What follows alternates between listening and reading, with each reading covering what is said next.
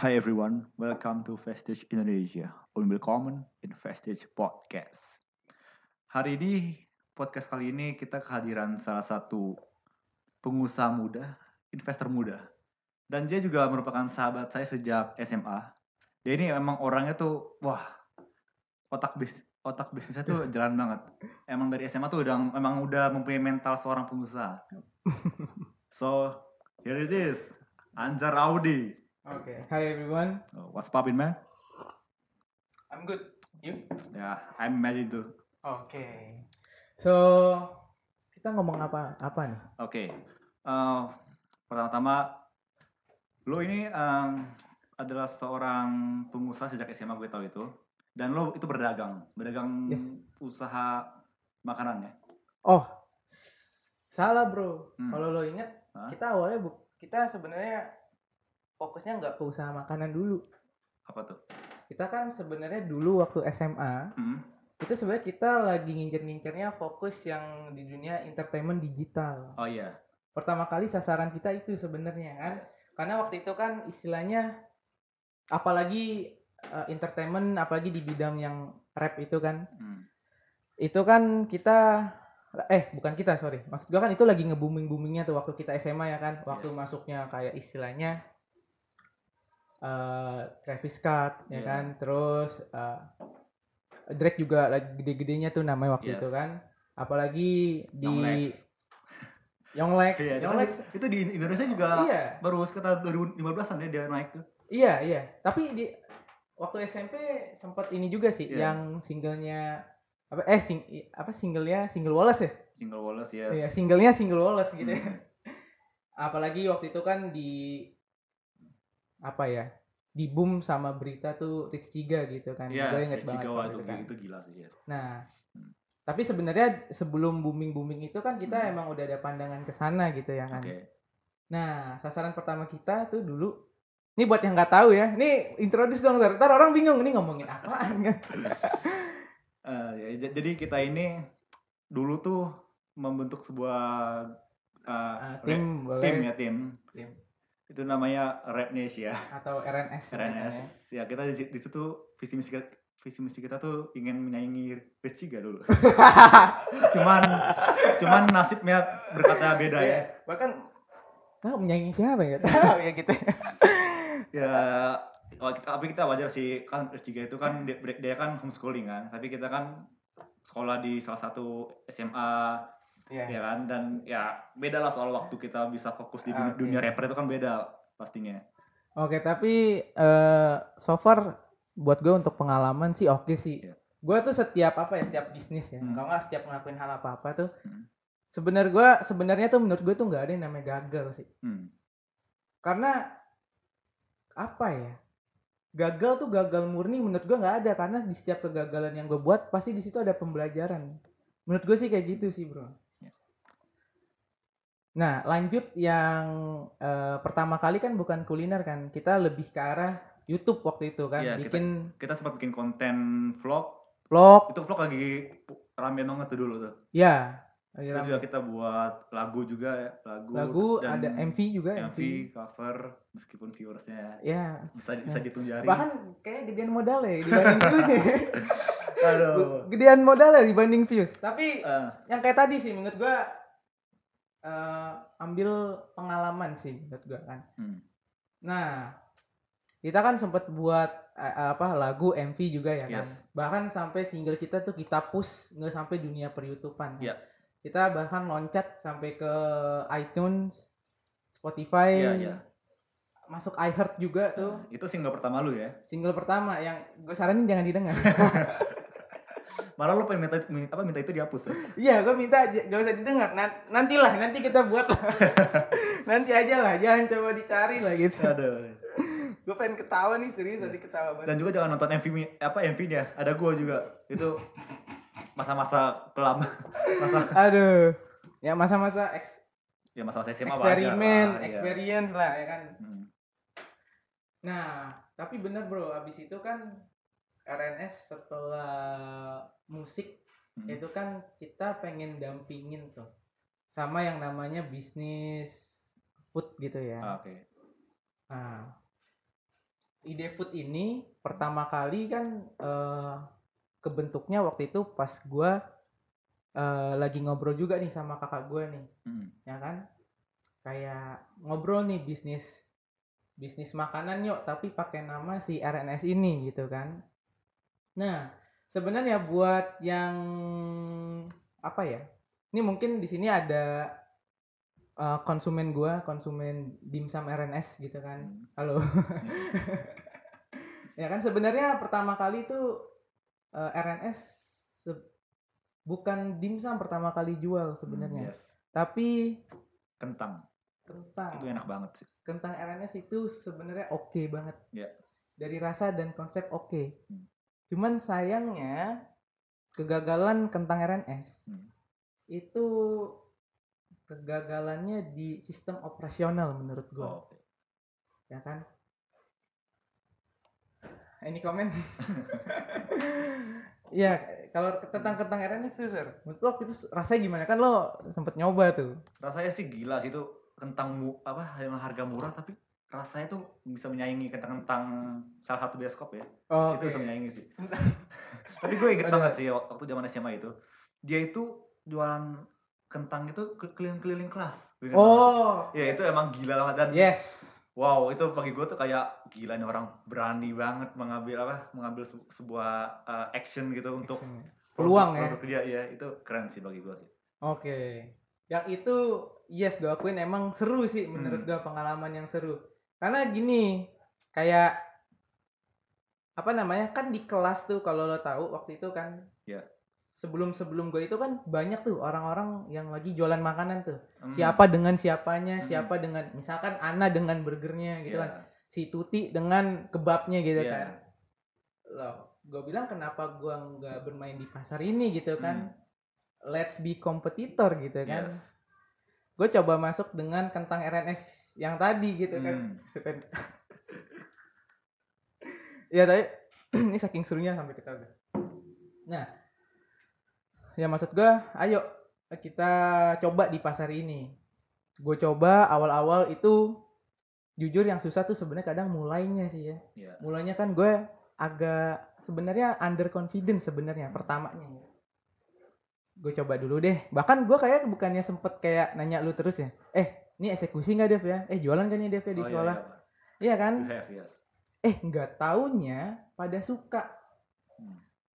bahkan yang suka itu nggak nggak di kelas kita doang bahkan sampai ke kelas lain Iya. angkatan kita eh ternyata nggak juga sampai ke angkatan bawah seingat gue Hmm. ternyata nggak juga sampai ke ruang guru Iya, sampai guru tuh. Itu keren sih. Iya. Sampai yang tadinya cuman hari pertama tuh kalau nggak salah 4 order, Mhm. itu sampai bisa ke 50-an order. Hmm. Gue sampai kewalahan waktu itu. Gue kan memanfaatkan kan memanfaatkan time istirahat gue, waktu istirahat kan. Istirahat kedua. Istirahat kedua. Setelah iya. Karena istirahat ke satu, gue gue apa? Nah, Kirim ke kakak gue di siapa yang mesen-mesen itu kan Hmm. data. Nah, dia masak deh. Hmm. gue bilang se apa istirahat kedua harus ada Hmm. ya kan dianterin tuh nah kalau 4 order 8 order 10 order itu masih bisa gue manage Sir. Hmm. ya kan ketika udah 50 order buset pas sekolah udah bunyi belnya tuh gue lupa dia tuh belnya gimana tuh Kan banyak variasinya. oh banyak variasi tong neng neng neng neng aduh pak ini order orang masih di tangan gua Hmm. ya kan akhirnya gue duluin order gitu. Memang di sini hal yang salah sih. Cuman kan gue punya tanggung jawab juga kan sebagai mendelivery kentang-kentang itu ya kan. Ya gitu. Kadang gue mikir wah ini kalau kayak gini terus. Maksudnya bingung juga nih gue satu sisi baik sih ya. Maksudnya bagus. Gue seneng banget bisa mencapai gak di kelas gue doang which mean melebar ke mana-mana. Bahkan gue sempat niatnya ke ke angkatan waktu itu kelas 2 apa kelas 3 sih kayaknya dua kalau nggak salah Dua, yes, dua. makanya gue sempat mikir wih kalau angkatan atas bisa gue gayet juga lebih enak nih eh ternyata enggak ya kan ternyata enggak cukup waktu gue di situ Hmm. ya so far tentang RNS waktu di zaman sekolah eksekusinya bagus nggak sebagus waktu turun ke stasiun Dia Oh. di situ banyak kesalahan operasional dan banyak banget bentrok ide sebenarnya. Kayak gitu sih makanya kita kacau lah waktu kentang RNS turun di gondang dia tuh. Sebenarnya ambisi kita sih oke, cuman operasionalnya nggak oke sih Oh, itu. but ya kentang rap, apa kentang rap Indonesia itu yang tidak pernah ter- ter- yang tidak pernah terlupakan sih semasa yes. zaman SMA sih. Yes. Eh, Menurut gue sih, Iya. menurut gue sendiri sih eh, salah satu makanan ikonik menurut gue. Iya, kayak lima hari kita sekolah tuh kayak ada aja musim safari ya kayak. Ada, ada, Iya, safari. ada, iya. Ada. Ada sih yang tadi gue bilang bahkan tuh eh, maksudnya sa- sampai nyentuh 50. Hmm. Bahkan eh, ya kayak gini misalkan kayak eh, hari ini 20, Hmm. 32, 18 kan. Ntar 42, 4 berapa ke 50. Yang beli banyak, yang utang juga banyak. Yang beli banyak? Yang utang juga banyak. Wah, itu yang memperhambat gua tuh. gua kasih kentang nih. Nah. Eh, sorry. Gua kasih kentang. Hmm. Ntar ya, Bang. Eh. Maksud gue Nih gue gimana? Gue kan main di waktu ya. Masa gue keluh lagi sih? Hmm, iya. Gue bukannya maksudnya nggak boleh utang atau gimana. Cuman gue keribetan, Sar. Hmm. Iya kan, yang utang lumayan juga gitu kan. Nggak gue kasih, gue orangnya tipikalnya nggak enakan Iya. kadang kan. Gue kasih gue yang keribetan. Itu salah satu apa ya bad pointnya. Tapi pendapatan di kentang rap Indonesia itu lebih banyak dari siswa apa anak sekolahnya ini Hmm. kita atau dari orang luar? Berarti kalau orang luar kasusnya ini yang merchant di gondang dia Iya. ya. Nah, sebenarnya kalau bahas first time, Hmm. first time di gondang dia sama gue jualan di sekolah, itu untungan mana? Sebenarnya untungan yang di merchant. Oh, oke. Hari pertama buka, Hmm. itu orang tuh rame, Hmm. rame ser. Gue sampai kayak seneng, berarti bagus nih, rame. Beda sama di sekolah. Di sekolah gue buka cuman 4 atau 6 anak segituan kurang Oh, lebih. Ya kan? Tapi grafiknya nih kalau merchant nih begini nih. Hmm. Oh. Kalau di sekolah nih begini. Wah, kebalik. Karena tadi apa masalah operasional. See. Sebenarnya nih em, salah juga ya di masalah i- banyak bentrok ide sih. Hmm. Kadang gitu sih Sar menurut gua ide apa tuh bisnis tuh kadang ide sih perlu, tapi kalau ide terlalu banyak sampai bentrok satu sama lain, Hmm. ini ujung-ujungnya malah crowded menurut gua. Karena bentrok ide kenapa? Yang satu misalkan ini kan masuk masuknya kan eh, bisnis keluarga juga gitu ya. Iya. Di rumah tuh kan jadi perbincangan kan. Hmm. Iya, ide gua begini, Hmm. ide kakak gua begitu, Hmm. ide eh, bokap gua kayak gitu, Hmm. ide nyokap gua kayak gitu. Pak, udah gitu idenya yang satu ke sono, satu ke sono, satu ke. Hmm, iya. Masing-masing punya visi misi ya biasalah milenial versus milenium. Ya, but at least you, you learn gitu. Yeah. Eh, tentang bisnis. Ya, itu oke lah lo itu waktu, itu masih 16 years old gitu kan, masih muda. Oh iya. Ya kan, ya it's okay lah untuk lo belajar soal manage operasional dan lain-lain, soal ide bentroknya gimana dan So much learn sih emang. sama sebenarnya dan lo setelah kentang rap Indonesia itu kan berganti lo kentang rap Indonesia tuh udah hilang udah Oh, iya. rest, apa, udah Munah, ya, munah. udah rest in peace gitu Rest in peace. nah ya. itu berpindah ke jualan dimsum nah can you Yeah. can you tell me why dimsum dan how gitu kenapa Oke. bagaimana I see. dari kentang kayak stop ganti dimsum Oke, I see, I see. Eh, sebenarnya sorry bentar berarti dari kentang kenapa perjalanannya kenapa bisa jadi ke dimsum gitu ya yes nah setelah kentang RNS hancur karena masalah operasional akhirnya eh, RNS ini khususnya di makanannya ya produk makanan ini dibina ulang oke sama orang tua gue sendiri Hmm. yang pasti mereka kan lebih berpengalaman tentang dagang berdagang gitu. Iya. Mereka bina ulang Hmm. dengan mulai dulu tuh sebenarnya ada sosis, ah ya ada sosis bakar sama dimsum. ya itu gua pernah nyoba aja Iya, enakan sosis sampai dimsum. Mau tahu sebenarnya gue. dua-duanya sih Oh, dua dua siap. semua semua punya lo enak lah semua dagangan lo enak Oh, nggak ada yang nggak enak harusnya gue bawa ya. Aduh. sorry. Nah, kalau masalah kenapa sosis, kenapa dimsum, Mhm. kalau itu ide itu datang eh, dimsumnya itu datang dari eh, orang tua gua. Oke. Dia yang milih produknya, entah dapat mimpi apa itu atau punya analisa kayak gimana, Hmm. dia milih produk sosis sama dimsum. Karena dimsum demand-nya banyak. Kita akhirnya mundur dari sosis Oh. karena kita fokusin ke dimsum kayak gitu cuman eh, perencanaannya ke depan kita pengen usahakan si sosis masih akan datang nih Hmm. akan tetap ada bahkan gue pun juga pengen kan gue sempet cerita tuh ke temen-temen gue tuh yang baru tahu dimsum RNS ya kan gue ini teman-teman di luar SMA ya teman-teman lain ya. Gue tuh dulu selain jual dimsum tuh jual kentang. Ternyata mereka penasaran Sir, sama rasa kentang RNS nah itulah nanti gue belum tahu sih ya ini baru masih abu-abu lah. Pengen ngadain lagi sih kentang sosis dan dimsum itu. Secara bersamaan tapi dengan operasional yang stabil. Tapi dimsum itu rame ya. alhamdulillah eh, rame. Karena gue juga baru cek itu di YouTube juga. oke Indonesia dimsum. Uh, banyak yang review itu. waduh thank you Para youtuber youtuber makanan itu kan. Apalagi salah- ada salah satu youtuber besar juga Hmm? namanya Bungkus kan. oh Ya, iya Hmm. yang dia kan Hmm. enam enam apa subscriber itu enam ratus ribu kan. no ribu Dia, dia nge-review dengan itu RPS dimsum Hmm. dengan viewers 350 ribuan. viewersnya iya Iya. tiga iya Yang dia RPS dimsum ini. Nah, gimana nih soal gimana ya? Kok bisa sih youtuber youtuber makanan itu datang ke RPS dimsum? Oke.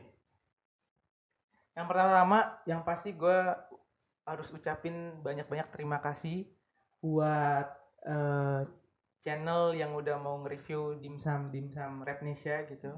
Terutama yang pertama pelopornya kalau nggak salah itu Will and Wins dan kawan-kawannya. Hmm.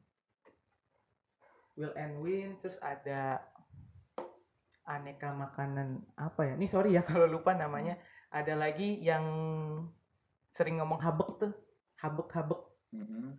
Ya itu pertama tuh yang gue tahu itu ser yang datang ke dimsum RNS Hmm. ya kan mungkin dia lihat gue pun agak bingung ya dia eh, tahu itu pertama dari mana gitu pokoknya waktu itu pertama ada youtuber datang eh, waktu itu bokap gue yang lagi di stand terus di review. Ya kan terima kasih banyak sih untuk youtuber youtuber makanan semuanya yang udah mau nge-review. Itu terima kasih support dan reviewnya itu benar-benar sangat membantu kami gitu dalam eh, terutama dalam promosian ya. Hmm. ya kan? Terus eh, bisa juga kadang ada yang mengkoreksi kita juga gitu. Misalkan eh, pak Ya. sausnya gini atau pak ini gini. Kita bener-bener pasti bener-bener kita tag opini yang kayak gitu ya kan. Dan gak jarang juga youtuber yang em, apa memuji gitu istilahnya. Apa dimsumnya enak kayak dimsum hotel atau dimsum restoran gitu. Ya kalau untuk awalnya bisa masuk YouTube ya itu sir Eh, eh, geng-geng youtuber yang itu yang awal nge-review Bang Will and Wins dan kawan-kawannya habis itu it's just boom like that Ah, besokannya ada besokannya ada ntar minggu depan ada dua minggu lagi ada kurang lebih kayak gitu yang bisa gue ceritain Coba dong lo, brand gitu. RPS dimsum ke di YouTube versi Indonesia yang mungkin ada yang nggak belum tahu nih dengan RPS dimsum kan. oh iya Silakan silakan. Oke, buat yang lagi nonton Vestige Indonesia nih, buat kalian yang suka dimsum, ya kan, dimsum dengan berbagai aneka rasa, kita ada rasa ayam, ada rasa beef, ada rasa jamur, ada juga eh, dimsum sayuran dan juga lumpia. Nah, nggak cuma di situ, kita juga menyediakan dimsum mentai dan teriyaki. Begitupun juga dengan lumpia. Buat yang lagi nonton, ayo segera cobain dimsum Rapnesia. Bisa juga kunjungi eh, Instagram kami di sini. Dan mungkin yang mau main ke channel Rapnesia juga boleh. Walaupun sebenarnya kita masih vakum ya bisa dibilang. Hmm, Tapi boleh main ada video lama-lama di situ mau, mau flashback ya boleh. Ya, thank you. Di mana? Up, oh, forget. Di Jalan Srikaya 2, tepatnya di stasiun Gondang Dia, guys. Deket Kalok di pintu utara dan selatan itu ada. Jadi ada dua stand di sana. Pokoknya yang gerobaknya hitam, gerobaknya hitam, bacaannya dimsum Repnesia. Harga terjangkau ya. Harga merakyat kita bos. Tapi kualitas bisa dicoba. Dan lo juga baru buka merchant baru ya. Di mana? Di Sentiong ya pasalnya. Sentiong iya, cuman kita lagi hold ternyata sir di situ. Oh, because pandemic. Because pandemic kita hold. Sebenarnya pernah buka juga di Tanah Abang, cuman kita hold juga. Wah, sayang banget ya. Iya. Because yes, you know gitu. Eh, padahal Sentiong bagus sih. Kita konsep di Sentiong itu tadinya yang pertama dimsum RNS itu punya tempat makan lah. Hmm. Tapi gue belum pede buat nyebut itu restoran sih, karena eh, tempat makan biasa doang guys, kayak biasa gitu. Gak gak beruangan banget lah. Cuman minimal orang bisa istirahat di situ kan bisa makan di situ. Cuman kita hold. Soal profit dari dimsum Rap Indonesia. Ini lebih besar dari kentang Rap Indonesia so- atau sosis yang Rap Indonesia sebelumnya. Hmm. Baga- baga- Bagaimana soal profit dari dimsum Rap, Oke. dimsum Rap Indonesia ini?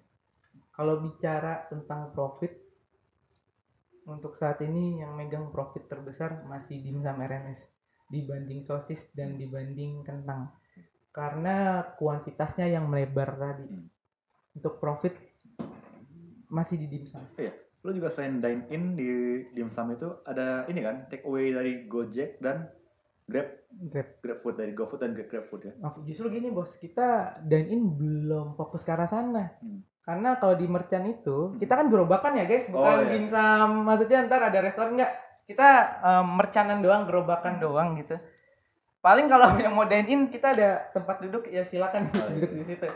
Kita khususnya sebenarnya untuk sekarang bos itu Take untuk take away bisa. Hmm. Mungkin kalau kalian pulang naik kereta bisa ke Hmm. Gondang Dia dulu atau yang suka di rumah aja lagi WFA bisa lewat GoFood dan GrabFood. Nah itu kan ada dua nih, eh, secara langsung ataupun melalui GoFood dan GrabFood kan. Yes. Nah besaran mana dibandingkan eh, melalui platform online atau secara langsung? Offline or online untuk sekarang dimsum RNS itu masih gede di offline-nya. Offline. Offline-nya karena kenapa? Kita ini sebenarnya salah satu PR kita gitu ya Hmm. di dalam dimsum Repnesia Hmm. Itu untuk memajukan digitalisasinya gitu. Oke. Maksudnya digitalisasi itu dari Instagramnya itu kita pengen benerin semuanya. Instagramnya apa apa postingan-postingannya kayak gitu atau mungkin promosi-promosi yang ke arah digital atau mungkin endorsement gitu kan. Karena kan selama ini kan kayak youtuber yang tadi itu kan istilahnya datang kunjungan karena mereka ingin berkunjung gitu. Istilahnya kita gak endorse mereka makanya gue banyak-banyak terima kasih karena mereka mau datang sendiri gitu ya kan? Nah, untuk ke depannya mungkin akan ke arah digital, karena yang dari online itu masih sangat gapnya tuh jauh dari online ke offline tuh gapnya jauh. Dan, dan juga lo ini ya strategis banget sih bagi gua. Karena Tempat. Tempat ya. Oh tempat. Orang kan pulang pergi dari stasiun Gondang dia itu kan, ada yang pulang, ada yang pergi. Jadi mereka melewati merchant lo ini dulu nih ya, Hmm. ya kan? Kan mereka Ini mungkin nih, iya mereka iya. lapar karena habis pulang kerja gitu kan. Betul betul. Nah, gue jadi inget kalau lo bilang orang pulang orang pergi naik kereta, gue jadi inget salah satu kekurangan tentang RNS. Hmm. waktu itu sempet eh, ada apa ya perdebatan atau meeting lah istilahnya Hmm. di internal tuh. Nah, gua menyusung ide biar kentang itu udah mateng dari awal. Karena kan sasaran konsumen kita orang-orang yang pengen make fasilitas kereta kan yang sifatnya deket ke buru-buru Oh gitu iya. I see. Iya kayak kentang RNS itu butuh waktu 10 sampai 12 menit untuk siap disajikan gitu. Sekarang gua gua suka banget pakai cara mirroring Hmm. untuk hal-hal kayak gini. Hmm. Gue mikir, gue orang yang pengen pulang gitu atau pengen pergi. Terus gue bilang, misalkan kayak e, Mbak atau Pak pesan kentang ya. Oh ya, tapi tunggu ya berapa? 15 menit. Oh iya Pak, besok deh saya beli deh. iya, tapi di internal katanya mereka nggak setuju kalau idenya itu langsung mateng Hmm. Karena memperhatikan hal kayak kefreshan kentangnya itu. Tapi ternyata dibantah sir. Sekarang di stasiun itu udah ada yang mulai. Hmm. kentang yang gua maksud udah mateng. Dan ternyata prediksi gua bener. Ternyata orang pun masih banyak yang beli. Bukan bukan banyak yang beli. Dia habis mulu justru. Hmm. ya kan mungkin itulah eh, waktu kentang RNS minusnya tuh orang nggak mau nunggu nunggu lama ya bener juga sih gue pun sendiri nggak mau gitu lagi mau naik kereta dihambat 15 menit cuman buat nganyem nganyem kentang gitu gitu lah sih. Oke. uh, I'm curious. Masalah Revenue Dimsum gimana nih? ah mantap Eh, masalah Repnesia Dimsum Yes. Eh, makanya ini sebenarnya gue punya masalah yang cukup deep di Repnesia Dimsum ya Mhm. ini bro lu kan tahu Repnesia jadi ketika denger dimsum Repnesia itu nggak mungkin aneh buat lo Mhm. karena lu tahu Repnesia terus lu tahu dimsum Repnesia atau dimsum RNS Mhm. nah kebanyakan orang sekarang itu taunya dimsumnya dulu bukan RNS-nya dulu Hmm, ya I see. Jadi orang kayak entah deh mungkin banyak juga yang aneh nih saat beli kayak kenapa? Kenapa RNS gitu kan. Emang ini si bapak atau siapa bisa nge-rap atau gimana? gitu. Sebenarnya guys itu kan seperti tadi yang pernah kita bahas jadi Rapnesia itu adalah em, channel YouTube sebenarnya ya Hmm. yang kita buat yang isinya itu berat ke arah musik. Yes. musiknya itu hip hop atau rap atau R&B Hmm. ya kita buat vlog atau video klip gitu kan nah itu RNS dan kita fokus juga pengen ke ke makanan yang tadi dibilang kan di Indonesia. Nah masalah gue adalah atau tugas gue juga adalah mencoba membuat orang mengerti apa itu dimsum Indonesia Mhm. atau RNS akan dengan cara yang tadi atau atau apa digitalisasi. Ya. Gue harus benerin hal-hal seperti itu atau mungkin yang tadinya YouTube channel gue yang statusnya vakum akan mulai aktif lagi nih Hmm. karena kan dimsum pakai nama Rednesia gitu RNS gak mungkin kan dimsumnya jalan tapi RNS-nya redup ya kan Yes. bakal aneh gitu Ya, correct. bahkan di salah satu video ada youtuber kayak nanya ini Rednesia apa pak Hmm.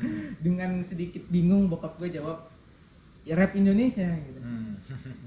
rap Indonesia gitu kan terus maksudnya gimana gimana berarti kan kayak gitu dalam dalam pikiran ya kan sebenarnya kan Yes. nah itu sih yang perlu gue luruskan Oke. nanti ke depannya dengan konten-konten yang gue pengen promosikan yang pengen gue dekatkan kepada customer-customer tersayang gue Nice. Yes. seperti itu masalahnya Gue pengen tahu nih tentang omset lo di Reprisa Dimsum gitu kan. Gue pengen tahu Ka- dan juga mungkin lo bisa memotivasi para penonton nih yang ingin memulai eh, UMKM gitu kan. Siapa tahu dengan profit yang bisa dinilai wah ini oke sih untuk eh, kebutuhan hidup gitu kan. Ditambahkan karena kan kita sekarang nih lagi pandemik gitu kan, lagi pandemi yes. banyak yang di PHK juga perusahaan banyak yang menutup eh, lowongan kerja dan mau nggak mau mereka harus berdagang kan oke that's horrible emang. yes jadi gimana Oke, kalau misalkan pendapatan dimsum RNS atau dimsum Indonesia, Mhm. sebenarnya udah apa ya sering disinggung sama youtuber lain di video YouTube YouTube itu kan, yang biasanya bokap gue di sana. Nah, oh iya gue lupa, ini maksudnya pendapatan sebelum pandemi atau setelah pandemi? keduanya Oke. Kalau sebelum sebenarnya kan udah gitu ya, udah di reveal, ya, udah dibuka gitu sebenarnya di video-video YouTube yang lagi nge-review dimsum RNS. kisaran Tapi kalau after pandemic Hmm. ini sebenarnya lumayan berasa sih ya Oke.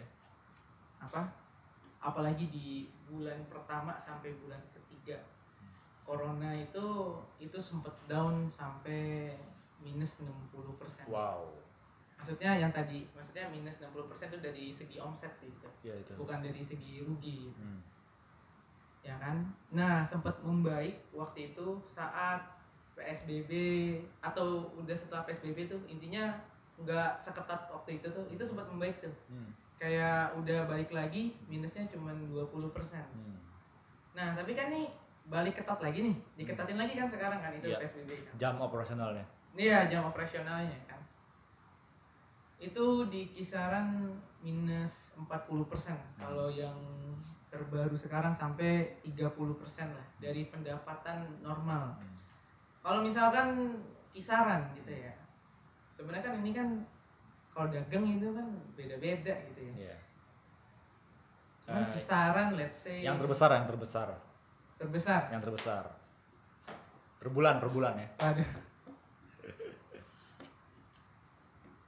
Minum dulu deh. Bukan nggak?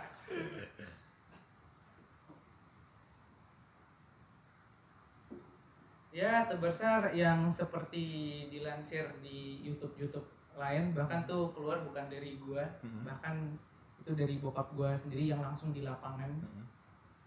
Nah, dia pernah ngeklaim itu 8 juta per hari.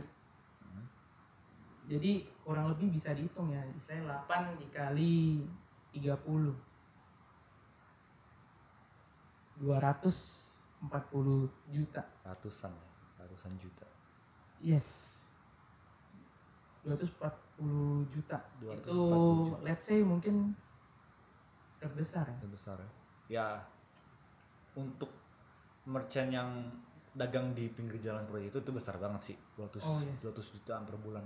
Wow itu big number. Oke, emang gua sangat-sangat bersyukur sih Hmm. eh, dimsum Indonesia udah bisa rame yang di apa yang di stasiun Gudang makanya gua nggak berhenti itu banyak banget terima kasih sama orang-orang yang eh, support dimsum RNS termasuk lo se- sendiri nih sekarang of gitu. course kan. man. Yes. Ya thank you banget kewajiban itu, itu kewajiban. Oke siap.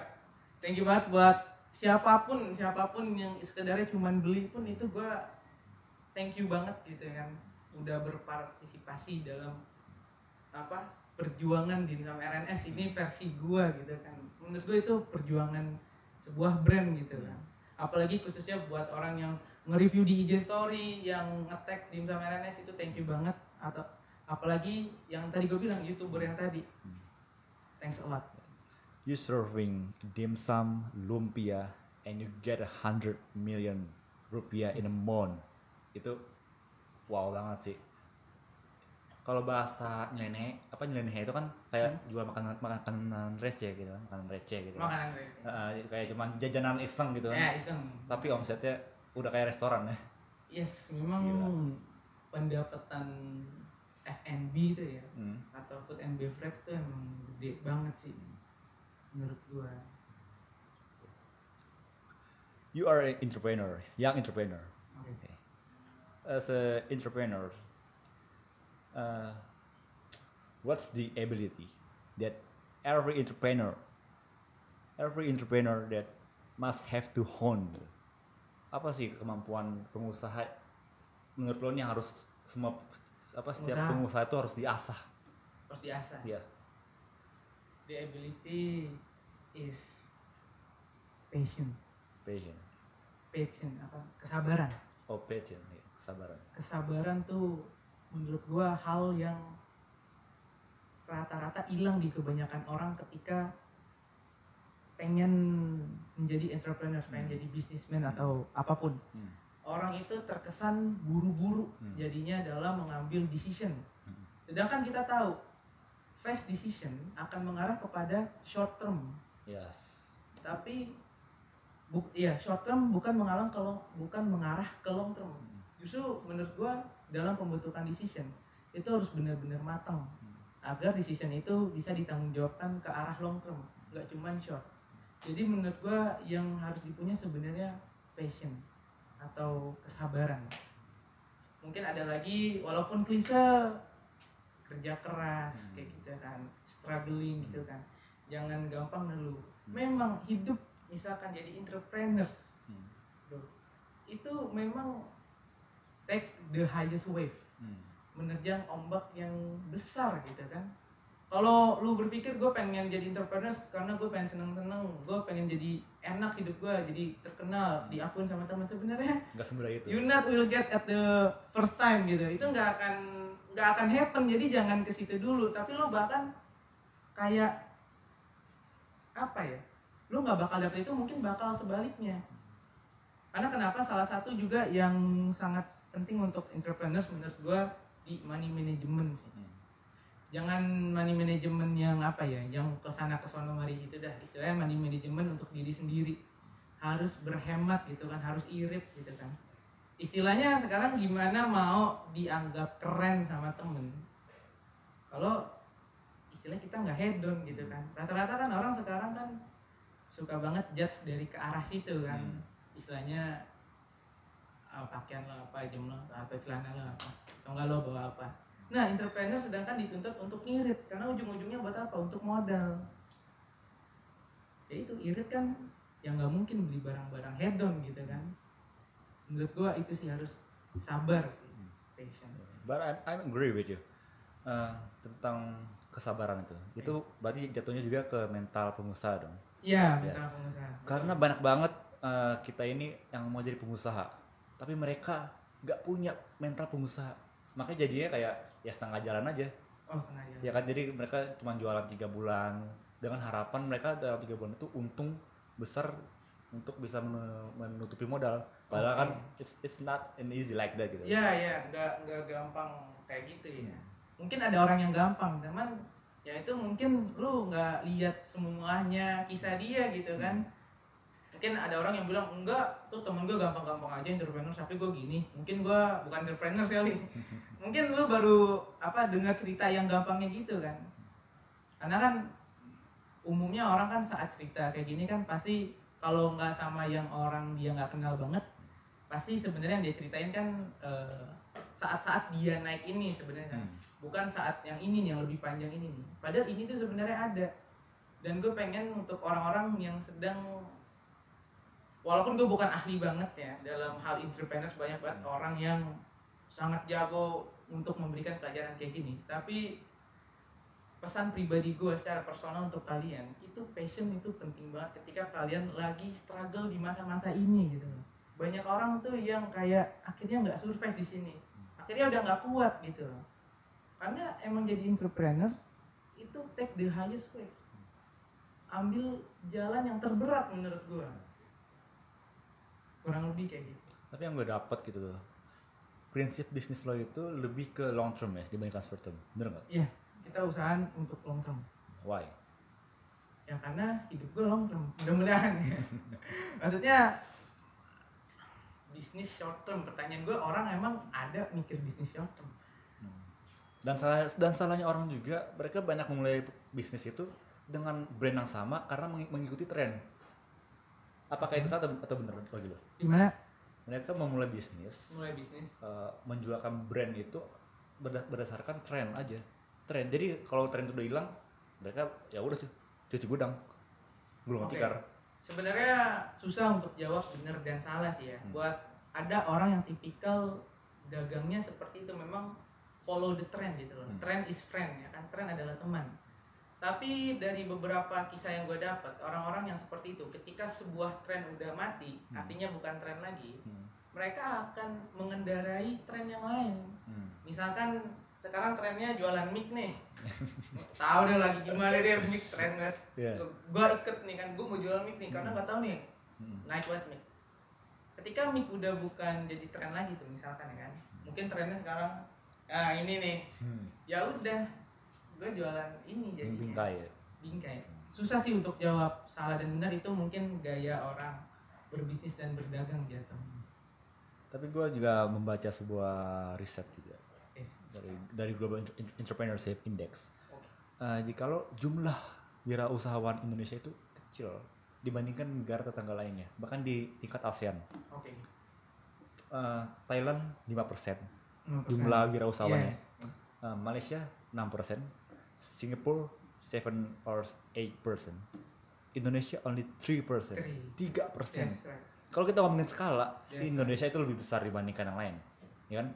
Singapura cuma 5 jutaan berapa? Dan Singa Malaysia 30-an atau Indonesia 270 juta penduduk tapi hanya 3% jumlah wirausahawan di Indonesia. What's your view about this issue? Oke. Mungkin pertama 3% itu dihasilkan karena memang dari jumlah yang banyak kali ya. Kan kalau semakin banyak ya kan akan semakin tipis juga persenannya. Tapi memang perlu diakuin angka segitu buat Indonesia memang tergolong lumayan kecil ya. Dan memang banyak temen gue tuh lagi membicarakan hal itu gitu. Mereka ingin yuk buat teman-teman yang lain yuk dorong yuk. Kita jadi si 3% ini. Atau enggak kalau bisa si 3% berubah jadi 4, 5 atau Iya. gimana gitu ya kan. Ya kalau my view atau pandangan gua memang seperti tadi sih ya. Memang masih tergolong kecil. Gue berharap banyak anak muda. Tapi kalau gue lihat ya dari segi anak muda sekarang gue nongkrong ke mana ke sini ke mana itu rata-rata oke sih ngobrolinnya itu udah tentang tentang bisnis Hmm. gitu loh. Kalau dulu kan ngobrolnya tentang si A begitu tapi sekarang it's different Yes. dan I like that Hmm. udah beda eh, tentang bisnis. Ada yang bahas bisnis import bahkan ada bahas yang bisnis batu bara ya. Gue diem aja dia tuh gue bilang bisnis batu bara. Tapi banyak pelajaran yang gue dapet gitu kan. Ada yang bisnis apa istilahnya yang kecil-kecilan apa kedai kopi salah satunya. Sebenarnya nggak kecil juga sih ya lumayan dominasi pasar. Mungkin gue harap ke depannya orang-orang yang berbicara dengan bisnis yang menurut gue itu banyak tuh di kalangan gue rata-rata bisnis semua bahasnya. Hmm. semoga mereka semua bisa merealisasikan apa yang mereka bicarakan saat itu. Hmm. gitu kan. Gue juga ingin menambahkan uh, sedikit. Uh, kita itu ternyata lebih jiwa itu konsumtif oh dibandingkan create something. Jadi ya orang Indonesia itu lebih terkesan lebih suka membeli. Iya. yes, beli beli. True. ngeluarin duit. Dibandingkan menghasil apa menghasilkan atau menciptakan lapangan kerja dan lain-lain. Itu mungkin salah satu penyebab Indonesia itu masih rendah jumlah wirausahawannya. Betul. Karena jiwa yang konsum konsumtif itu benar-benar benar-benar udah menempel. Maksudnya dari dulu sih dari dulu sih ya Indonesia tuh emang gila gilanya soal membeli membeli. Iya membeli membeli ya. Teman ya membeli. Nah, ya. Ah, oke. Ah, selain menjadi seorang pengusaha you are an investor. You you you, you play investment kan right? Yes yes lo bermain investasi. Bahkan kita- kita juga sem- pernah bermain investasi ketika kita SMA kan Yes, SMA itu awal-awalnya kita Mengenal belajar ya. mengenal belajar-belajar gitu ya, eksperimen lah itu. we play trading dan gue inget banget dulu hasil uang itu kadang-kadang kita suka apa kalau setiap pulang sekolah itu kita jajan di warkop kan beli Oh iya, Marco kadang buat nasi goreng gitu kan. Karena kan sebenarnya lebih tepat yang kita dulu itu sebenarnya uh, binary option sebenarnya Hmm. biasanya kan. Ini juga lagi salah satu uh, instrumen investasi. Cuman hati-hati gue tahu banyak orang yang pro dan kontra Hmm. mm, bilang binary option ini sebuah investasi. Cuman itu serah kalian. Maksudnya di sini kita lagi bahas kita waktu itu waktu binary option itu kita tuh buat apa warkop dan nasi goreng ya. Iya. Pertama kali kita kan belajar itu gitu. iya sah kita juga modalnya kecil ya Karena bisa modal kecil Ya, ya, kan. SMA kan Iya ya, ya paling dua puluh ribu paling dapatnya sepuluh ribuan ke atas lah dia kan 80 persen kalau nggak Hmm. salah ya. yes nah soal talk about investment gitu. Nah sekarang nih lagi rame nih soal investasi saham Oh saham. ke perusahaan anak-anak muda mereka rame banget soal ngomongin apa pada download platform-platform yang soal kita buat invest gitu kan Hmm. nah pandangan lo nih soal anak muda yang langsung main without learning first Waduh. Yes. apalagi ini saham perusahaan ya itu ber- itu besar loh. karena dia kan slot Mm. nah gimana Oke, kalau bahas topiknya anak muda yang langsung main without learn, Hmm. yang pastinya impresi gue ke arah negatif gitu lah. karena mungkin banyak orang juga yang bilang kalau investasi tanpa dasar pembelajaran atau dasar analisa itu namanya bukan investasi tapi judi karena kan gambling Iya. tapi eh, dengar pertanyaan lo yang tadi gue jadi ingat gue pernah download salah satu ebook gratis dari pemain saham Hmm. but I forget the name Oke. itu dia cerita tentang main saham tanpa pengetahuan apa pun Hmm. kayak anak kecil naik sepeda sebelum dia bisa naik sepeda jadi anak kecil misalkan dibeliin sepeda sama bapaknya nih Hmm. tapi dia nggak diajarin dulu langsung goes aja gitu Langsung roda dua gitu kan. Iya, langsung roda dua gitu kan. Standing gitu kan. Enggak. langsung maju, langsung goes. Eh, nggak taunya ya seperti yang kita tahu kan resiko kecelakaan kalau nggak ber, berpengalaman dan pendidikan di era di dunia itu kan pasti Tinggi. resikonya tinggi gitu. Akhirnya tuh anak jatuh. Di buku itu bilang sekarang salah sepedanya atau salah anaknya. Hmm. Ya jelas salah anaknya gitu. Yang pasti highly not recommended untuk terjun langsung terjun main saham atau invest saham tanpa bereducation. Ya, tapi nggak semuanya kayak gitu sih. Mak- Maksud gua kayak beberapa ada yang belajar dulu, beberapa ada ada yang cuma ngikutin tren. Oh, buat Iya. yang belajar of Iya. course good. Ya. Of course good buat yang belajar. ya itu sih mungkin yang bermasalah tuh yang cuma ngikutin tren yang cuma Hmm. kayak cuan profit cuan profit Cuan, tim cuan, profit. nah gue juga ingin ngasih tahu nih beberapa uh, sedikit aja soal investasi saham jadi di investasi saham itu ada jenis-jenis keuntungan dan kerugian jadi bukan cuma cuan profit aja Mantap. ada dalam soal uh, keuntungan investasi saham, investasi saham itu ada dua jenis yang pertama itu ada capital gain lalu yang kedua ada dividen. Yes. Capital gain itu adalah uh, nilai selisih antara jual beli dan ju- uh, jual jual dan harga harga jual dan harga harga beli saham. Lalu yang kedua ada dividen. Dividen itu adalah uh, apa? merupakan sebuah laba perusahaan yang dibagikan kepada seluruh para pemegang saham. Lalu di invest- investasi kita juga ada yang namanya kerugian. Gak semuanya hijau soal investasi saham, gak semudah itu Yes. di kerugian investasi saham itu ada tiga jenis. Yang pertama ada capital loss, yang kedua ada suspensi, sus- suspensi, lalu yang ketiga ada likuidasi. Capital loss itu adalah harga jual saham lebih rendah daripada harga beli. Jadi misalnya kita beli satu slot perusahaan A, harganya misalnya satu slot itu 3 juta. Oke. Lalu kita jual mungkin cuma 2,4 atau 2,5 karena per- eh, performa perusahaan yang menurun Menurun ya. Lalu yang kedua ada suspensi ya. Suspensi itu lebih kayak apa? Transaksi apa kita ini transaksi saham kita ini disuspend oleh eh, suatu Penyelenggara. ya. penyelenggara, makanya ki- kita nggak bisa melakukan transaksi di saham tersebut. Lalu Itu yang yang disuspend company-nya apa siapanya Sir, kalau gitu? trans, eh, Transaksinya transaksi yang ya. Iya. Lalu yang ketiga itu ada likuidasi. Likuidasi terjadi apabila perusahaan yang kita taruh eh, kita sebagai pemegang saham tersebut itu di eh, jatuhi apa di, di apa bahasanya dibubarkan Oh, dibubarkan. atau digugat oleh pengadilan istilah tuh kayak pilot mungkin ya Oh. jadi kita ya udah bubar kita udah naruh saham tapi kan ada ada ada something Itu problem biasanya karena ada kasus gitu ya. ya itu mungkin lebih kayak perusahaan itu punya- mempunyai hutang banyak Eh, jadi dia tidak bisa menutupi kita dinyatakan pilot Really? ya udah uang kita yang kita investkan ke perusahaan tersebut hilang Oke. itu sih itu kalau misalnya ada salah atau kore- eh, salah dari statement gua mohon koreksinya teman itu yang gua pelajari itu yang gua dapat ada jenis-jenis keuntungan dan kerugian dari investasi saham Mantap, temen gue satu ini sekarang, waduh, kayak master saham. Alah enggak lah lo Waduh, you more rich than me man no, no, no. Kalau saham, no, no. definitely no. Ah, aduh, mantap tadi penjelasannya. Ya, tapi Ap- em, lo itu soal investasi lo le- lebih main ke jangka apa short term or long term That's an interesting question. Dua-duanya sebenarnya gue pengen eksekusi gitu. Karena berdasarkan kebutuhan, kebutuhan gue pun ada yang sifatnya short term dan sifatnya long term. Nah, yang pasti gue cari bidang investasi apa aja yang kira-kira cocok untuk short dan cocok untuk long gitu ya. Mau gue coba eksekusi dua-duanya sebenarnya.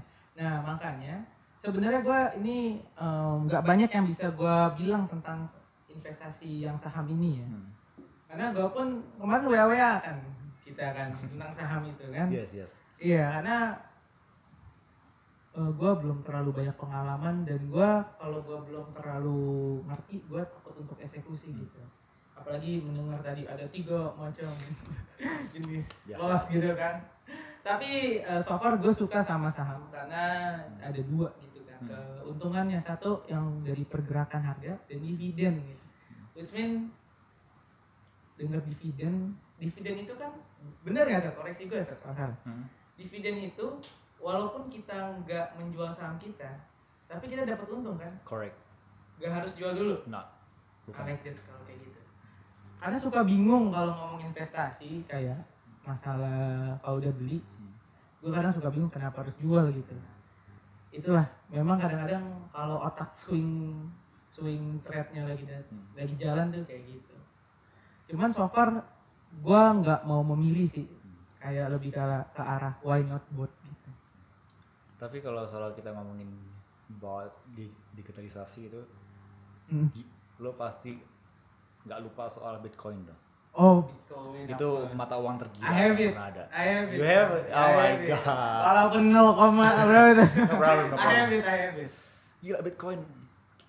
Sekarang di tahun sekarang ini udah nyentuh 560 juta satu Bitcoin. That's true. Tapi kayak kalau nggak salah hari ini turun nggak? Gua kemarin soalnya ngecek di Hah? 400-an. Oh, gak turun ya? Kemarin lupa gue ya kemarin atau kemarinnya lagi itu Hmm. di 400 lagi. Gitu. Gue gue ceknya yang segitu sih, yang 500-an sih. Oh, mungkin naik lagi mungkin ya. Hari ini sih nggak cek. Cuman Bitcoin ini bakal jadi mata uang masa depan gak sih menurut lo? I think yes. Uang mata uang masa depan tuh maksudnya Untuk transaksi. Loh, bahkan kan di luar negeri katanya Bitcoin emang udah jadi secara harfiah gitu kan. Tapi Amerika menolak itu. Amerika don't want Bitcoin. Don't want. Because what? Because they they, they have dollar. Oke. mata Masa konvensional. ketika Bitcoin masuk gitu. Kan? Nah, dolar akan tersaingi dan nilai dolar nilai dolar akan jatuh dan semua transaksi akan menggunakan Bitcoin lalu dolar dolar Amerika Serikat yang kita kenal emang mata uang tertinggi nilainya Hmm. mau dibawa ke mana makanya perut Amerika emang agak wanti-wanti dengan Oh, jadi dia Bitcoin. lebih ke arah defensif ya sama Iya. cryptocurrency gitu ya. yes Oke. itu salah satu dark side-nya ya. Oke. Ya mungkin benar statement yang lu bilang tadi tentang Amerika ya pasti defensif sih ya. Mungkin karena tadi karena they don't want to lose gitu kan jadi defensif. tapi gue mengapresiasi juga kepada kinerja pemerintah Indonesia yang mana I- IHSG ini kita membaik Oh yes.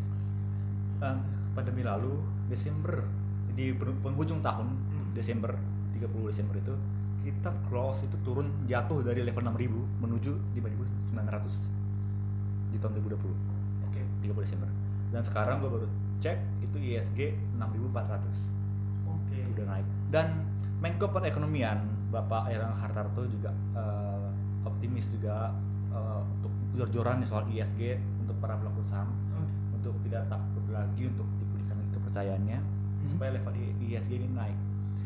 Uh, Mr. Erlangga, he's pretty here that the uncertainty of the cap- capital market due to the pandemic dur- during 2020 will end. Dan so. and I'm optimistic about that I hope. so. karena uh, ketika para pelaku saham ini pulih kepercayaannya itu akan menderek level ISG dan rencananya itu dari Bapak Menko itu Hmm. pada Desember 2021 nanti akhir level ISG kita akan menyentuh level 6000 6800 sampai 7000 7000 dan bagi gua itu ya it's it's possible bagi gua. Itu mungkin mungkin aja. Dan juga di itu possible kan? possible. Ditambah juga banyak uh, emit- emitmen positif dari jikalau akan ada minimal 30 perusahaan yang akan melakukan IPO Oh. initial oke. public offering Oke oke oke oke. A- Alek Ya. Alek di topik sebenarnya. IPO ya. Ya. Berapa? 30 perusahaan Minimal. IPO. Menurut Minimal. ya, prediksi ya, prediksi 30 perusahaan. Oke oke oke. Sama Emang apa? jadi bahan perbincangan juga nih. Bahkan kemarin juga rame kan soal tok, eh, Tokopedia. ya. Tokped, yes, yes, yes. Tentang Tokped pengen go IPO Iya. gitu ya. Ada ada siapa lagi sih? Eh, Gojek kalau nggak salah. Ya, Gojek ya kalau nggak salah. Kalau nggak salah, kalau nggak salah iya Gojek, Tokped dan kawan-kawan itu. Eh, seneng sih dengar apa kayak Tokped eh, maupun Gojek bisa go IPO kayak gitu. What do you think about the economy in 2021 in Indonesia especially? Apa kalau Okay, bakal it's melihat hijaunya atau merah? It's mean we talk about future kan. Karena kan belum terjadi kan. Yes. Um, justru sebenarnya ini kan ekonomi Indonesia kemarin-kemarin ini kan sempat down tuh. Iya. Misalkan let's say dari dari segi bisnis properti gitu. Bahkan kita sempat resesi. Iya. Iya. Nah, akibatnya kan properti itu harganya down tuh. Iya. Ya kan waktu gue tanya, gue kan juga lumayan aktif dalam uh, bisnis properti Ya, gitu. we- kita kita kita kan pengu- ini apa pengusaha properti kan yang jual apa ngejualin properti kita tahu itu pahitnya Oke, nah itu kan kalau lu ingat kan kan pada down. Tapi justru setelah gue baca-baca buku bisnis kadang ini justru jadi good opportunities buat beberapa orang gitu. Good opportunities untuk good opportunities untuk beberapa orang karena harga properti lagi down. Jadi kan mereka bisa beli dengan harga murah gitu kan. Iya. Nah, ini berhubungan sama pendapat gue nanti 2021. Hmm. Eh, semoga dengan kan ini pengen divaksin juga ya sekarang ini nih. ini ada program vaksinasi Ya, agak bingung ya. nanti, nanti jadi jadi melebar ke vaksin kan. Um, menurut gua kalau memang corona bisa ditangani dengan baik entah dari segi vaksin atau penyebaran atau dan lain-lain. Yang pasti 2021 pasti green sih. Green. menurut gua. Karena kan misalkan gua beli yang dari properti sih gua gampangnya tadi. Gua beli rumah ini tadi murah. Terus eh, ekonomi udah better gitu kan. Yang pasti membaik kok dan dimsum RNS pun jadi rame lagi. Wah alhamdulillah. Iya main dong. Siap siap siap. Kayak gitu dan gue juga pikir emang bakal green karena eh, selama pandemi ini banyak sekali orang-orang jadi pengusaha eh, pengusaha apa yang jual-jual produk mereka melalui Instagram. Itu kan rame banget tuh. Oh iya iya melalui, massive, melalui Instagram, TikTok itu kan rame banget. Apalagi ada platform TikTok ini kan. Massive. ya itu gue juga kak apa kan kita tahu our friends gitu kan teman-teman kita kan pada jualan banyak banget kan Mereka Oh, iya, iya. baik makanan atau yang kemarin terakhir itu thrifting baju ada juga teman gue kayak yang jual masker alat-alat cantikan apa semua Iya, itu semuanya jadi pebisnis dan itu gue sambut baik sih soal itu Yes. itu keren banget sih akhirnya kita milenials ini memiliki jiwa great gitu loh Oke, siap. yes bukan menjadi seorang konsumer lagi Consumer konsum- lagi. yang konsumtif jiwanya tapi yang bisa menghasilkan gitu. Oke. keren Nah, yang gue suka juga, kenapa gue kalau di sisi gue, kenapa gue suka ketika orang-orang itu tadi ya bukan jadi consumer lagi tapi jadi the creator atau the seller. Pasti secara mindset itu akan berubah saat dia di posisi seller sama dia di posisi consumer gitu kan. Mungkin yang gue tekanin tadi sih ya, apa dia pasti lebih irit gitu loh. Kan lebih irit, lebih sederhana, lebih mikir, aduh gue tuh kayak gini kita sebelum misalnya kita waktu itu SD atau SMP kan uang jajan gitu ya kan Iya. Kita tuh kayak mau beli apa-apa tuh nggak nggak mikir gitu kan. Ya gue lapar atau gue pengen ini gue pengen jajan kita nggak mikir. Tapi setelah kita nyari duit sendiri ya kan ada apa? Ada jasa kita di saat kita nyari duit sendiri ini uang hasil kita nih. Pengorbanan kita buat dapet ini itu apa gitu loh walaupun misalkan jumlahnya 10, 20 atau 50 di saat ingin membayar itu ada rasa hurt to pay rasa sakit dalam membayar gitu. Yang ujung-ujungnya ini akan ini kalau gue kalau gue sih ya ini akan mengarah ke irit gaya hidup yang lebih sederhana yang sangat cocok menurut gue bagi seseorang yang ingin jadi entrepreneur. Apalagi misalkan berasal dari keluarga yang misalkan di middle gitu kan. Kalau di high kan mungkin kayak wah gue entrepreneur tapi gue nggak ngirit. Ya iya kan. Kan enak di, di, gini. di kebun kan ada tuh di kebun apa itu? Ferrari papa nggak kepake tapi especially ini buat orang-orang misalkan yang di middle atau di low emang perjalanan entrepreneur yang pasti akan menguras banyak keringat sih ya dan mungkin tangisan ya mungkin tangisan menurut gue ya karena yang tadi struggle-nya tuh pasti mantep banget. Let's talk about future. Gue suka, sangat gue sangat suka dengan orang yang futuristik. Tahun 2004, tahun 2045 mungkin Indonesia itu 100 tahun. Hmm. Pemerintah jor-joran bahwa kita akan menjadi top ekonomi. oh Indonesia masuk di jajaran top 10. pernah dengar Ya, top 10 eh, negara dengan ekonomi terbesar di dunia. Hmm. Eh, Asia atau dunia antara kedua itu. Oke. Lo optimis gak soal Indonesia akan menjadi uh, negara top ekonomi? Mungkin top 5, top 1 mungkin. Menurut gua sih optimis sebenarnya. Optimis karena simple sih jawaban gua. Karena Indonesia satu sumber daya alamnya banyak sangat kaya gitu kan. Nah flora fauna terus sebenarnya SDM kita tuh banyak. Buktinya sekarang orang nyari lapangan kerja itu susah. Artinya tuh banyak orang kita tuh punya sumber daya manusia tuh banyak punya manusia tuh banyak gitu kan. tempatnya. Cuman em, apa ya tempatnya kan atau mungkin ya tempatnya sih ya gue bingung harus nyalahin pemerintah atau nyalahin eh, siapa gitu kenapa nggak buat tempat pekerjaan lagi. Tempatnya tuh kurang. Tapi optimisme gue seperti kembali ke awal karena gue tahu Indonesia sumber daya tuh banyak dan sumber daya manusia banyak. Jadi itu salah satu udah jadi tanda jadi syarat negara yang top 10 tadi. Di situ gue ngeliatnya oke kalau tadi lo se- se- apa, sempat singgung soal tempat kerja. Oke pekerjaan terbatas gitu. Iya, ya sebenarnya kalau kita mau sayang sama pemerintah atau apa, kita agak susah. Karena ini bergantung pada investor. Ya, kayak kita tahu perusahaan multinasional yang eh, tempat di sini kan itu kan karena investor dan itu terbuka lapangan kerja. oke Dan karena UU Cipta Kerja kemarin eh, yang memudahkan investor untuk berinvestasi Indonesia itu banyak banget. Tesla ingin investasi Indonesia, LG dan Am- Amazon, Google itu ingin membuka sebuah perusahaan di Indonesia dan itu akan membuka lapangan kerja.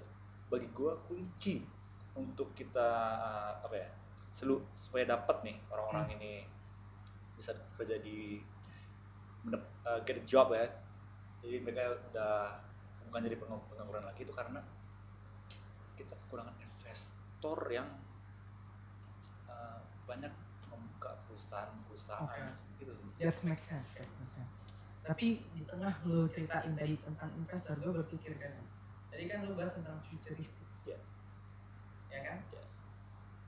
Ini pikiran gue yang kadang mengganggu ini lah future gitu kan lo tau kan dulu sebelum istilahnya sebelum futuristik di tempat parkir kita masuk motor itu orang yang ngetikin ngasih ke kita sekarang tinggal pencet atau mungkin Ah. kartu Iya, iya. Nah, akhirnya sekarang banyak juga nggak cuma di depan tempat parkir, tapi di belakangnya pun nggak ada orang. Gue nyari nih orangnya mana? oh nggak ada ternyata tinggal tap sekarang. Eh, Gue bingung kadang harus berpikir sedih atau berpikir kayak wah udah futuristik sekarang. Kemudian orang-orang yang ada di depan sama di belakang parkiran ini gimana nasibnya? Jadi apa? Kan pecel lele, ya kan? banyak loh Sar yang kerja jadi kayak gituan banyak loh belum di gedung mana ter akhirnya cuman gara-gara teknologi yang simple kayak gitu dilibas semuanya. Pertama mungkin yang kelibas utama yang orang yang ada di depan ya. Karena kan di beberapa mall yang belakang biasanya masih ada tuh. Itu yang ke depan kan dilibas. Nah semakin kita futuristik sebenarnya agak serem ya. Iya kan, semakin kayak kesan jeleknya kita sebenarnya nggak butuh human untuk ngelakuin itu. We have machine gitu kan. Kayak why not machine gitu lebih murah nggak nggak nggak bolos istilahnya kan gitu nah eh, pertanyaannya gue gue balik tuh gimana kan lo suka futuristik gitu. Itu futuristik apa enggak? Bayangan nightmare gue tentang gue tuh kayak nanti berapa banyak pekerjaan yang dipangkas semua. Sekarang udah ada vending machine. Gue yakin nanti vending machine jadi hal yang populer. Mungkin sekarang kayak orang ah malas aja vending machine mending gue ke warung Iya iya. iya. Iya kan? Tapi gue yakin suatu saat nanti vending machine akan akan jadi hal yang hal yang komoditi gitu, hal yang umum. Di, di setiap kampus ada vending machine. Iya, Makanya kampus kita pun ada. ada. Betul. Bahkan bermacam vending. Macam-macam isinya. Aduh, gak kayak lo. Iya, bahkan gak cuma satu brand gue. Iya. Walaupun banyak brand gue. Iya. Iya, kayak gitu lah kurang lebih di kereta-kereta kan juga ada tuh. Yes. Oh, berarti kalau soal itu kita berbicara soal artificial intelligence kan. Oh, AI. AI ya. Agree. Agree. Ya, gue juga sebenarnya agak 50-50 dengan teknologi yang mengganti, menggantikan pekerjaan manusia. Bro. Hmm. Cuman ya kita hidup kan terus maju berkembang gitu. Ini ini meru- merupakan sebuah risiko hadirnya teknologi. Itu harus dikecamkan. Ini resiko hadirnya teknologi. Kalau kita nggak mau uh, adanya machine robots, eh, ya kita minimalisirnya soal teknologi kan. kita nggak usah pakai vending machine, pakai aja orang duduk situ. yang ditolak gue Betul. Tapi kan hadirnya teknologi ini kayak untuk mempraktis, mem, apa, praktis Mempraktiskan, ya, Jadi mempraktiskan, praktis jadi gitu praktis ya. gitu kan. Semua efisien. Iya apaan efisien gue mesen rasa apel yang keluar jeruk. Gitu. Gue sepatu saya gak mau beli machine. gue bilang gue kayaknya nggak mencet iya gue yang ini keluar. Gue mau laporan sama siapa? sama satpam gue panggil. Tapi sekarang banyak improvement sih gue akuin vending machine tuh banyak improvement.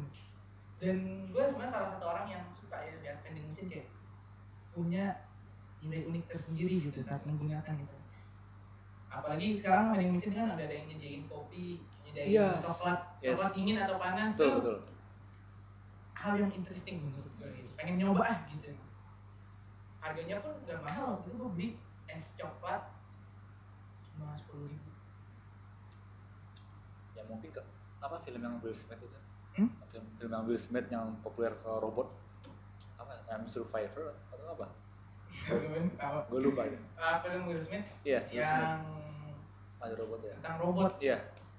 yang film Will Smith yang ada robot apa nih yang tentang robot Pokoknya berbagai macam film robot lainnya kan. Itu mungkin yang kita di, di mana kita akan berhidup berdampingan. Kita kita akan hidup berdampingan dengan robot itu Oke. mungkin akan terjadi. oke kalau di bayangan gue film Doraemon yang robot betul hidup berdampingan benar Iya. Itu ya emang- emang sih agak serem sih karena takutnya ah, ada sebuah kalau ya, kita bisa perang yang serem. ya manusia ketusuk mati. Robot robot itu ganti oli dia diperbaiki. Iya. Ya, itu seremnya sih. Ah, oke that's scary thing cuman gini sir oke itu kan bahas tentang war tapi kalau bahas tentang ekonomi ini kadang lebih mengerikan lagi gitu. Karena gimana ya gue pernah gini gue pernah nonton video kalau nanti itu bakal kan kalau kita sekarang adanya low class sama high class. Ya tiga kelas ya? Iya low class middle middle class, class high class. Ya. Tergantung dengan pendapatan gitu. Yes. Nanti di futuristik sana apa eh, tahun-tahun futuristik bakal ada yang namanya sorry gue lupa namanya. Kasih waktu bentar. Ya.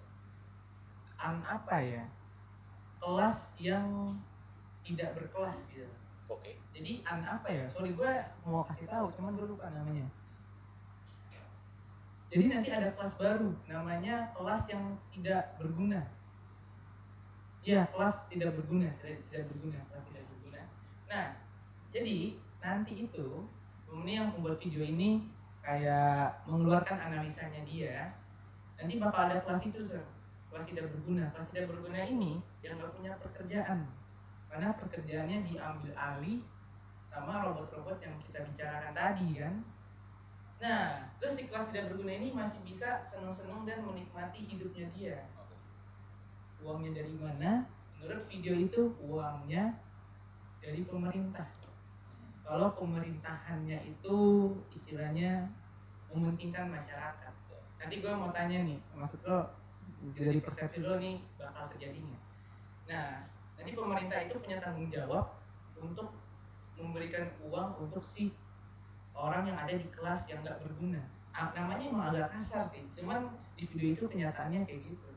Jadi biar si kelas gak berguna ini masih tetap bisa fun, masih bisa tetap hidup gitu. Karena pemerintah nanti bakal eh, u- dapat uang lebih banyak dari pajak-pajak yang dia sebar gitu kan nah salah satu tanggung jawabnya untuk masyarakat memberikan uang buat orang yang di kelas tidak berguna menurut lo gimana tuh itu menurut lo it's possible or impossible atau kayak enggak nih Ya kalau masalah mungkin atau nggak mungkin, semua mungkin aja sih. Apalagi pemerintah yang pemegang kuasa. Apalagi apa menyalurkan uang kepada hal yang useless. Oke Ya kan itu berarti useless namanya. Pas- Oh, the useless class ya The useless ampun, the useless class. Iya, ketemu. The useless class. nanti. ya bagi ya gue nggak kaget sih kalau itu mungkin akan terjadi karena sekarang juga banyak kejadian pemerintah meny- menyalurkan dana kepada hal-hal yang tidak seharusnya Oke. jadi ya nggak kaget sih Um, oke bro Yes. thank you for the time thank you for. Being being here Oke, thank you for having me. Justru nih kan. it's a, it's Jadi- honor for me Oke. Eh, thank you juga kan udah undang gue. Justru gue sebenarnya kan bisa kita curhat ceria gitu. No, kan. no, no. bisa cerita tentang RNS, tentang bisnis tadi. Ah. Yang pastinya gue banyak belajar di sini. Ya, Itu. me too me too itu gue juga ingin memulai usaha gue, juga banyak belajar dari lo. Iya. Um, kita di, di tahun 2000 apa, di tahun 2045 kita bakal jadi seorang leader, kita bakal jadi pemimpin. Amin. Ya semoga aja kita bisa melampaui itu semua. We can be a good leader to bring Indonesia uh, be a, be a good Indonesia, be menjadikan Indo- Indo- Indonesia yang, yang, yang lebih maju lagi. Lebih maju. Ya oke itu aja podcast kali ini bersama Anjar Audi selaku owner Representa Dimsum. And don't forget to like, subscribe, and comment. And see you in another podcast. Bye.